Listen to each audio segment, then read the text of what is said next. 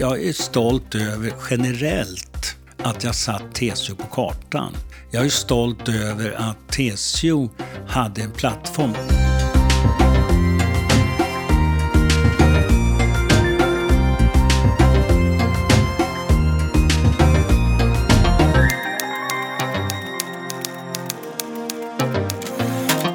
Välkomna ska ni vara till eh, 9-5-podden som är Tammarkivs TCO Sacos arkivs podd. Den här gången så har du intervjuat en facklig profil. En eh, tidigare TCO-ordförande, nämligen Björn Rosengren. Eh, varför har du valt att eh, prata med honom den här gången? Jo, men jag tycker det är väldigt intressant för att han var ju ordförande under många år och en väldigt färgstark ordförande som, som verkligen nådde ut väldigt väl. Som i förra avsnittet så intervjuade jag Johan Hakelius som har samarbetat med Björn Rosengren och fick hans version av Björn Rosengrens eh, eh, karriär. Och sen så var det såklart spännande att även prata med Björn Rosengren om hur han upplevde det. Han har ju varit verksam inte bara inom facket utan han har ju verk varit verksam inom flera områden, eller hur? Ja, men så är det ju. Han har ju både suttit i regeringen och även eh, nu under flera år varit verksam inom näringslivet. Så att, och det är också en spännande sak att han har hunnit med och gjort så pass mycket och haft framträdande roller inom, inom ja, många olika områden i samhället.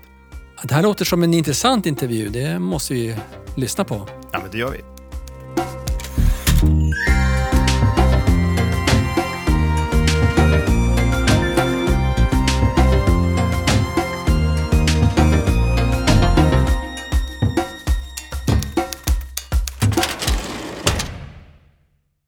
Det är klart, det roligaste och mest spännande var ju att vara minister. Och framförallt med den portfölj jag hade. Nu kanske jag hade lite mycket.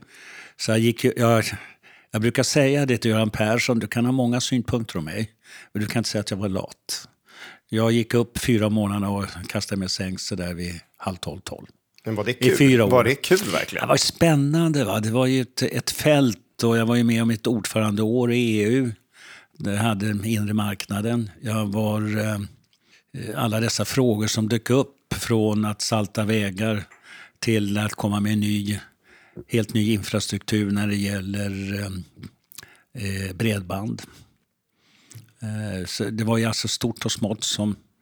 Det var ju väldigt spännande. Och jag kan väl säga att så här eh, efteråt att, eh, jag klarade det där väldigt bra tycker jag. Sen finns det en del som anmärker att det var inte bra, det var inte riktigt. Men generellt sett tycker jag Och det byggde nog mycket på min fackliga erfarenhet. Jag var van att eh, läsa propositioner, jag var van att ha synpunkter på olika områden som TCO-ordförande inte minst. Men även i Kommunaltjänstemannaförbundet så var man ju van att eh, hantera politiska frågor. För det handlar ju inte bara om avtalsrörelse, vilket jag också hade lång erfarenhet av. Utan det handlar ju mycket om sånt som tjänstemännen i vissa fall kanske betyder mer eh, lagstiftning än eh, en krona eller två kronor mer i lönekuvertet. Men jag, jag, har ju inte suttit i någon regering ännu i varje fall. Nej. Eh, men vad är det som är... Du har, du, har, du har ju rätt uppfattning ännu. Det innebär ju ändå att du har en viss ambition. Ja, vem vet? Vem vet? ja, ja. Men eh, vad var det som fungerade annorlunda eh, när du satt i regeringen mot vad du hade trott innan du började? Alltså, som landshövding så var det också så att man tog ställning till många frågor. Man var ju inte kungens befälningshavare, utan man var ju regeringens. Och det innebar ju det att man touchar ju alla olika frågor. Från jakt till miljö till eh, infrastruktur inte minst. Eh, och också frågor som, som handlade om eh, Eh, stöd till företag etc. Så att jag tyckte ändå att jag hade... Det, det, när jag kom till regeringen och, och, övertog tre departement så var det inte så att jag kände mig orolig och rädd. Utan eh, min viktigaste fråga det var att försöka rekrytera bra statssekreterare. Man kan säga mycket av regeringsarbetet, det löpande arbetet, det är att du har en, en bra eh, departementsledning eh, ytterst att du har, så jag hade ju fyra statssekreterare, att har bra statssekreterare. Vad skulle du säga, om du beskrev det själv, eh, hur många delar känslomänniska är du och hur många delar analytiker? Ja, jag tycker jag är en god politisk analytiker. Det tycker jag har känt även när jag jobbade inom näringslivet. Och det har väl varit, ska jag säga, min tyngd. Eh, jag är, upplevs nog som väldigt spontan. Men det vill jag nu avslöja. För denna podd, den är mycket medveten. Min spontanitet använder jag som ett medvetet instrument för att få andra människor att öppna sig i till exempel en förhandling. Det finns ju, det finns ju två sätt att eh, Eh, ha makt med sin personlighet. Den ena är ju en, en viss spontanitet, en viss öppenhet som folk kanske ryggar för och tänker, vad säger han? Den andra, eh, det är ju den gamla klassiska, man säger aldrig någonting allt. Det finns inom mycket historier om det. Inte minst män som aldrig säger något. Och därmed skapar de en viss respekt och en viss rädsla. Vad vill han? Vad är han eller hon på väg? Eh, men för mig har det varit spontaniteten. Men, men har det alltid varit så att du tycker om att kommunicera? Det var det så även som barn? Nej. Jag var nog ganska blyg som barn. Och ganska... Ja, lite rädd sådär. Och så hade jag ju en, en, eh, en fläck av ordblindhet. Dyslexi. Och det är klart att det gav mig också en viss rädsla i skolan. För att eh, på den tiden tog man inte hänsyn till det utan ibland då kunde man ju betraktas som obegåvad. Vilket dessbättre inte sker idag. Det var ju många år som du var väldigt aktiv och syntes väldigt mycket inom facket. Mm. Och eh, jag har läst den här spännande boken Mitt i steget. Och eh, där står det en hel del om det här med kommunikation och att ni jobbade med, med reklam på ett alltså så, nydanande sätt för, för svenska facket. Ja, det där, jag satt på, man fan för det är sant, dasset på landet. Och så läste jag om Alfa Laval. Jag hade en reklam om hur de gjorde öken till jord. Odlingsbar jord. Mm. Och det där fick man fundera på. Det här var ju mer den offentliga sektorn då, på SKTF. Fundera på hur skulle vi kunna marknadsföra, man använder det ordet, eh, den offentliga sektorns betydelse genom att använda eh, näringslivets grepp att göra reklam. Fast då på ett annat seriöst sätt.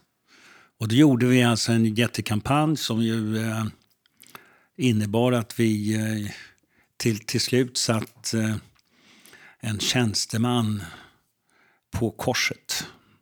Precis, han Jesus, låg på svenska flaggan. Ja, ja låg på svenska flaggan. Och svenska flaggan var då korset. Och det där, jag hade en reklambyrå och eh, att han var irländare.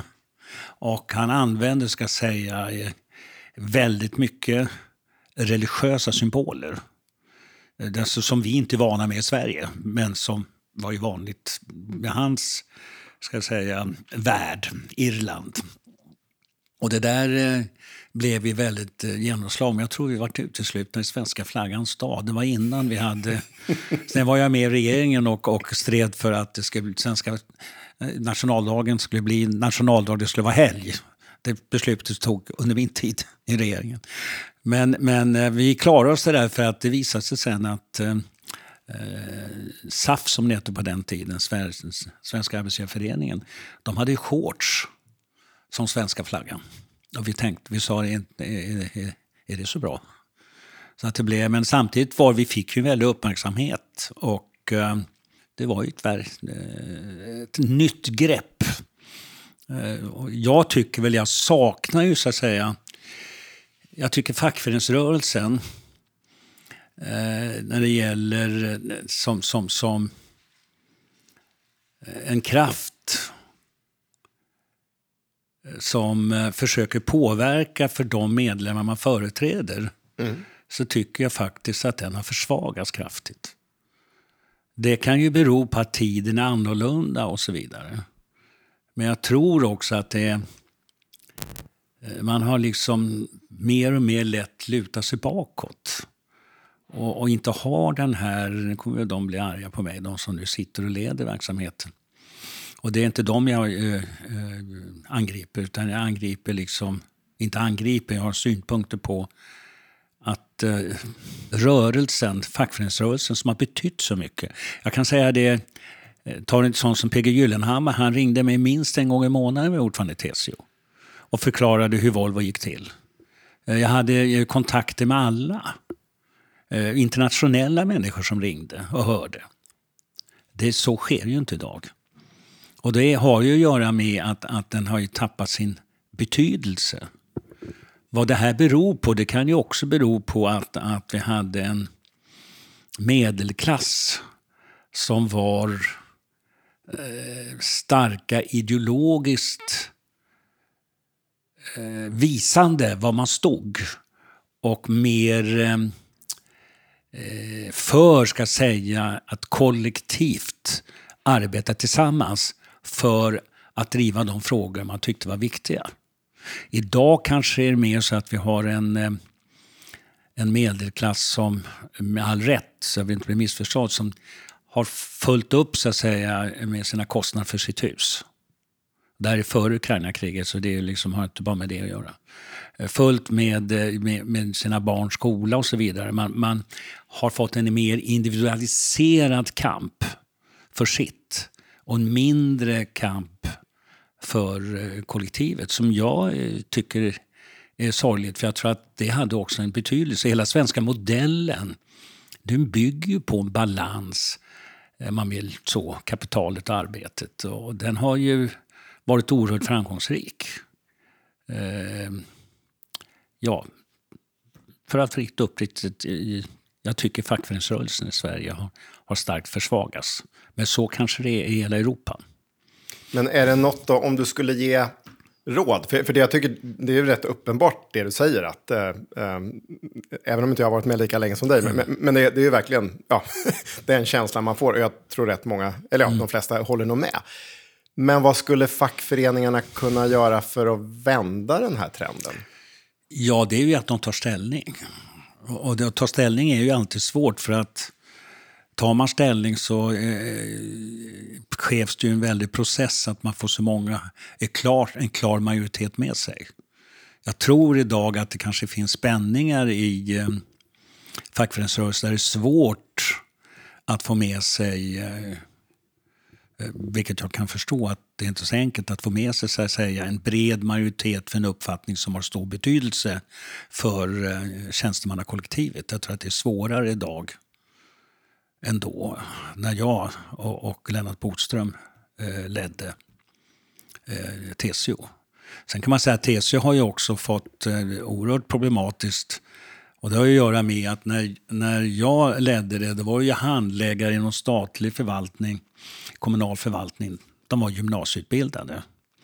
Ingenjörerna var institut, eh, oftast institutingenjörer. Och civilingenjörer, de hamnar ju eh, eh, i Civilingenjörsförbundet. Nu har ju det förändrats väldigt mycket. Om man tar lärarna, lärarkollektivet som är var ju en, en, en, stor stöttepelare både ideologiskt och, och, och eh Eh, nominellt i TCO, lämnar ju TCO. Det har officerskåren. Eh, så det är klart att eh, när jag var ordförande i TCO, jag tror det var 1,2-1,3 miljoner medlemmar. Idag ramlar det väl ner under miljonen ska jag gissa. Och det är klart, det har också en stor betydelse för att antalet har ju också att göra... Det dels har ett stort antal så att det får en legitimitet när du ställer krav. Annars får du inte samma legitimitet. Å andra sidan brukar jag säga, eh, har man en ståndpunkt och driver en linje som intellektuellt på alla sätt går att försvara i det rum man lever i, i det samhälle vi är i, så finns, vinner man ändå. Om man nu klarar av, den, eh, klarar av att driva de frågorna. Så det är inte bara legitimiteten i antal utan det är framför allt i den intellektuella förmågan att framföra en ståndpunkt. Men kan en förklaring till den här försvagningen varit Jag menar, nu är vi med i EU och på något sätt, det är mycket som blir mer internationellt ändå. Kan det vara en del? Eller? Ja, samtidigt har vi ju en... en, en, en, en, en eh, jag var ju vice ordförande i eh, Världsfacket. Eh, eller det beredningsgruppen, beredning, tar tillbaka vad jag sa, i, eh, i, i eh, TUAC som var ju en, en rådgivande organ eh, till OECD. Eh, Lennart var ju ordförande och jag blev vice ordförande. Och det är klart att Eh, och där träffar man ju amerikansk fack och andra fack. Och det är klart att eh, där var det ju, eh, hade man ju ett inflytande. Man kan ju säga att EU har ju också lett till en plattform, även för facket. Jag, jag minns ju så väl eh, Kurt Nicolin eh, var ju hatad av svensk fackföreningsrörelse för han hade många synpunkter som vi inte tyckte stämde med oss. Men när vi var i OECD jag var med honom flera gånger därför han var ordförande i, i BIAC som var eh, beredningsorganet OECD för världsarbetsgivarna. Och de, alla fackföreningsrörelser utom, alla fack utom svenska, jag kan använda uttrycket älskade Kurt Nicolin. De tycker var den bästa arbetsgivaren de träffat i sitt liv. Varför? Jo, han pratar med dem. Han respekterar dem. Och det kan man nog säga att det är ju den modell som vi har byggt upp eh, eh, sen Saltsjöbadsavtalet. Man respekterar varandra. Man talar med varandra. Och det har ju varit en enorm styrka. Men att kunna tala med varandra innebär ju också att man har en legitimitet i de krav man ställer. Men världen är annorlunda idag. Jag kan inte liksom eh, ha lösningen. Utan jag bara försöker med utgångspunkt från min erfarenhet och vad jag ser. Och trots min ålder, om man nu får ta i, så är jag ju oerhört aktiv. Eh, och rör mig, ska jag säga, i, i företagarvärlden. Jag rör mig i... Eh, jag, jag också gör det handgripligen eftersom jag driver massa bolag.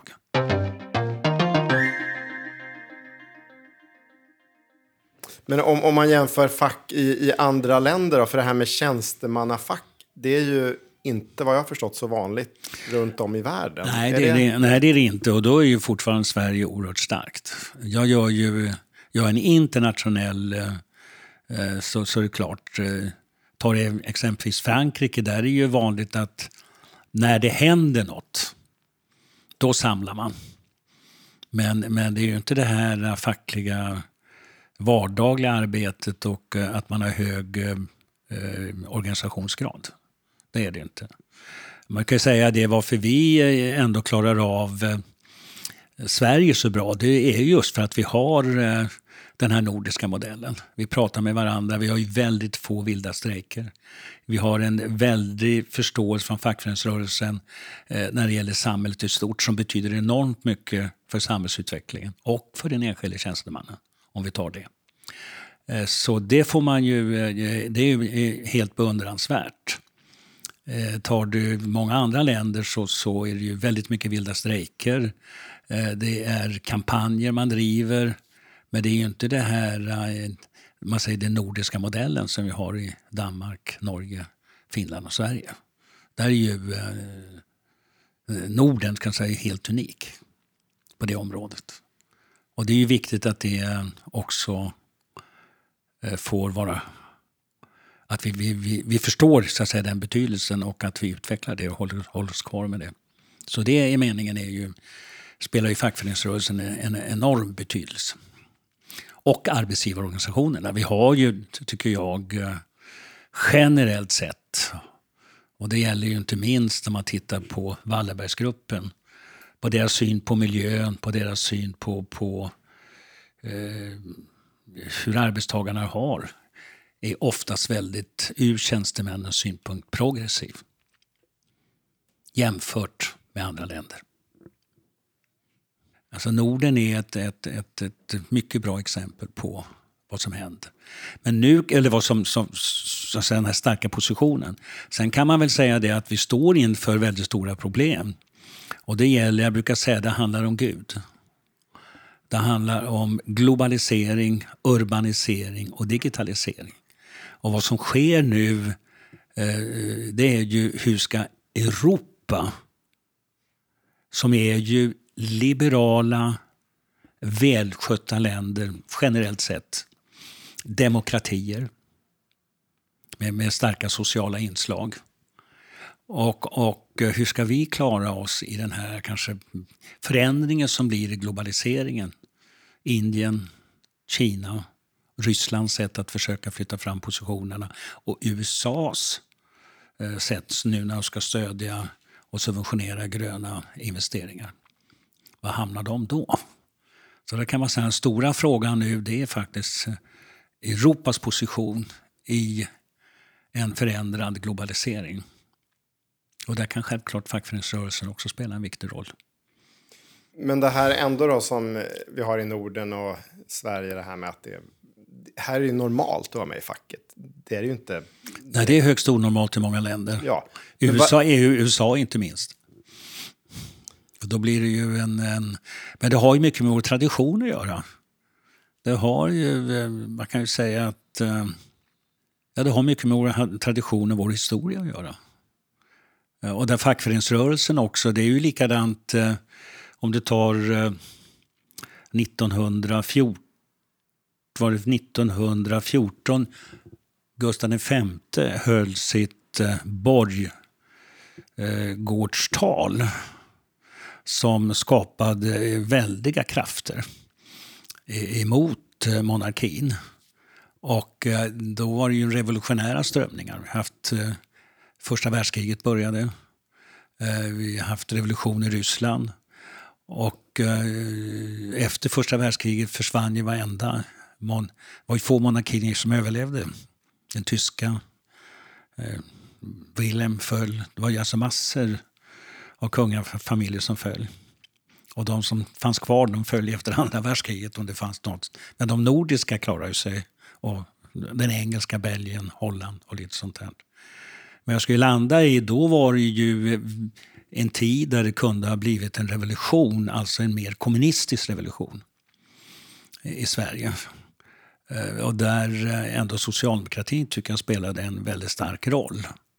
Att man eh, lät ska säga, monarkin vara kvar men tog bort ska säga, enväldet. Men samtidigt fick ett samhälle som, eh, början av ett samhälle, vi fick eh, fria val.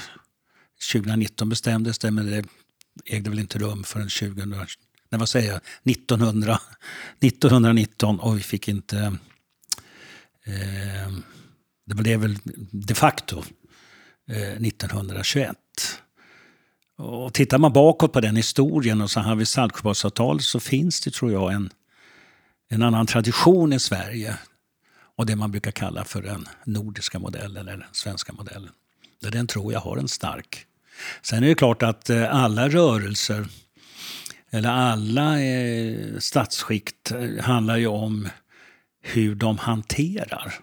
Det är klart att om fackföreningsrörelsen hanterar frågor fel får starka medlemsströmmar emot sig eh, så eh, ta löntagarfrågan exempelvis, då, då tror jag inte minst TCO var ganska illa ute. Det första jag gjorde när jag blev ordförande i TCO det var att ta bort den från dagordningen. Och fick ju klart väldigt mycket kritik för det mot de som tyckte annorlunda. Eh, sen kan man väl säga att Eh, just den här balansen Eh, mellan de olika intressena tycker jag vi har varit bra på Sverige. Sen kan man ju konstatera det eh, att eh, många har det svårt i Sverige. Alltså ekonomiskt, socialt. Vi har eh, långt ifrån jag kan väl säga att vi är en välfärdsstat som vi har eftersträvat. Många har det mycket bra i Sverige. Det stora flertalet har det hyggligt. Men sen finns det ju de som har det svårt. Och det är väl möjligt att man... Eh, den fackliga eh, linjen brukar ju vara det att man först ska ta hänsyn till de som har det svårast. Först driva deras frågor. Och sen får man driva andras frågor. Så att jag vill inte nu säga att vi är ett 100% idealt samhälle. Men eh, vi är ett ganska bra samhälle. Om du tittar tillbaka på dina år inom facket, då, vad är du, vilka saker är du mest stolt över att ha varit med och Ja, det är en bra Genomfört. fråga. Ja, du, det där, då brukar de fråga mig när jag var minister också. Jag tycker jag är stolt över generellt att jag satt TCO på kartan. Jag är stolt över att TCO hade en plattform. Jag var ju med faktiskt och Eh, han spelar en väldigt viktig roll i skattereformen. Eh, det är ingenting jag är inte generad över att säga. Den betydde, jag gjorde ju upp med Bengt Westerberg och det gjorde att jag jag fick stopp på LO som var väldigt emot den och jag fick med mig regeringen för de var beroende av Bengt Westerberg. Och där spelar ju TCO en, en mycket viktig roll kan jag säga. Och det är jag stolt över också. Så att, eh, men det är rent generellt jag är stolt över att jag satt TCO på kartan. Man kan säga på den tiden spelade ju också TCO en väldigt viktig roll mot förbunden. Vi hade ju styrelsemöte varann, varje vecka eller varannan vecka. Samlades förbunden på TCO. Och så tror jag inte det är idag. Det är kanske, jag vet inte om det är en gång i månaden eller om det är färre. Så man kan säga att Eh, sen var det ju alltid stridigheter mellan offentliga förbund och SIF som det hette på den tiden, men vi hanterade det. Sen finns det ju lyckade fack. Man kan säga att Unionen har ju varit väldigt framgångsrika. Ökat sin medlemsavtal kraftigt, haft ett stort inflytande. Eh, Så det lyfter jag, det lyfter jag hatten för. Men jag tänkte för att när jag tänker tillbaks, nu är jag ju några år yngre än vad du är, Ja. men eh, jag kommer ihåg när man tittade på nyheterna, Mm. som, ja men det var ju så här, PG Gyllenhammar såg Ja, man, ja, såg dig. ja. Det var ju ett antal väldigt färgstarka personer i samhällsdebatten. Och jag kan bara, och nu säger jag vad jag själv tycker, men, men det, jag kan tycka att det saknas så. Ja, det, eh, jag- jag- alltså- kan du hålla med om det eller? Det, jag håller med om det. Alltså ledarskapet, modet att eh, ställa sig på scenen och driva en fråga där du vet att du kanske eh, får det jobbigt. Va? Jag, hade, jag var ju mordhotad. Jag, under eh, den här sjukvårdsstrejken vi hade på SKTF, då eh, fick jag ju brev om att de, i brevlådan att de skulle döda min son och, och sånt. Så det är jobbigt. Hur tar man sådana grejer? Det är Ja, man måste ju ta dem. Det, det är liksom inte annat att göra. Men, Men vad klart- sa du till sonen? det, det, ja, eh, jag visade alla de breven från honom. Men man kan säga så här att, att eh, när man är mest skör, det är när, det drabb, när ens yrke drabbar sin familj. Och Det där gäller ju många yrken. Eller sin roll, det här, att vara ordförande i TCO är inget yrke. Sin roll, det här gäller ju politiker också. Det har ju blivit hårdare idag än det var under min tid. Eh, så men svara på din fråga. Det är klart, det ser man ju i politiken. Vilka är det som flyttar sina positioner? Ja, det är när de har färgstarka ledare som vågar, som har mod och som eh, orkar och kan argumentera för sin ståndpunkt. Kan intellektuellt, jag håller hårt på det, ska säga skapa en grund för både trovärdighet och framförallt ska säga att innehållet i det man driver har ska säga en, en trovärdighet. Eh, uppfattas av breda massor att det här är viktigt. Det kanske jag kan säga att jag saknar lite. Så jag delar din uppfattning. Men kan du dra dig till minnes någon sån här, det finns säkert flera, men någon sån här konkret sak när du skulle föra fram en budskap som du låg, och, låg vaken på nätterna och funderade och att det var en massa tankar hur du skulle göra? Ja, jag kan inte, men det var nog många sådana. Jag kan inte, det är klart att... Eh, det bästa sättet är ju, jag brukar säga det att eh, det bästa sättet är ju att man kan driva en fråga utan att man syns. Eh, att man är, är, är inte offentlig, men ändå drivs frågan. Men det är omöjligt och det är mer omöjligt idag än var på min tid. Det måste, det måste ändå vara personer bakom. Och det gäller att du också först ska förankra dig. Eh, eh, eh sen kan du, det är klart, det gjorde jag nog någon gång, att jag inte förankrade mig. jag drev frågan för jag kände som tyngd i den. Och då drev jag och fick så ett starkt genomslag så att styrelsen hade inte ork att driva frågan mot mig. Det, jag tror när jag gjorde det, kanske inte var så demokratiskt, men jag tror jag gjorde det någon gång. Jag tyckte det var angeläget. Så man får vara lite klurig ibland? Alltså. Ja, man kan väl säga det att jag, jag gick förbi styrelsen för jag visste att jag fick så bred stöd bland medlemskåren. Eh, så att det där ska jag klara av. Men det är oftast så gick jag ju via styrelsen.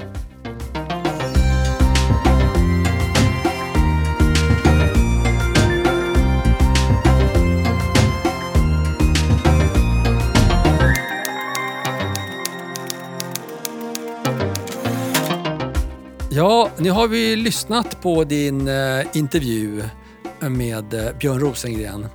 Vad har du fått ut av den här intervjun egentligen? Vad är det viktigaste, tycker du? Ja, en sak skulle jag väl säga så är det ju väldigt intressant att höra om hans eh, sätt att eh, kommunicera och, och nå ut på, på många sätt. Eh, och sen även hur han upplever det här med eh, fackföreningarna. För att jag tyckte han återkom ju till flera gånger att det, det var ju någonting annorlunda för, ja, på den tiden han var ordförande inom TCO och hur det är idag. Eh, det tycker jag var, var spännande att få höra hur han ser på det. Just det, det här med kommunikation, det, det ligger nästan lite, han låg nästan lite i framkant kanske. Det är någonting som har kommit allt mer efter hans tid, eller hur? Ja, men också rent personligt så tycker jag att det var, och det var väl inte bara fackföreningarna, men, men när det begav sig så, till exempel början på 90-talet, så tycker jag både, om man tittar på fackföreningar, även andra verksamheter, företag, man gjorde väl mer vågad reklam, kan man faktiskt kalla det för. Eh, sånt som kanske inte ens skulle gå att göra idag för att folk skulle ta illa upp. Men att man, ja, då, då blir det mer intressant också.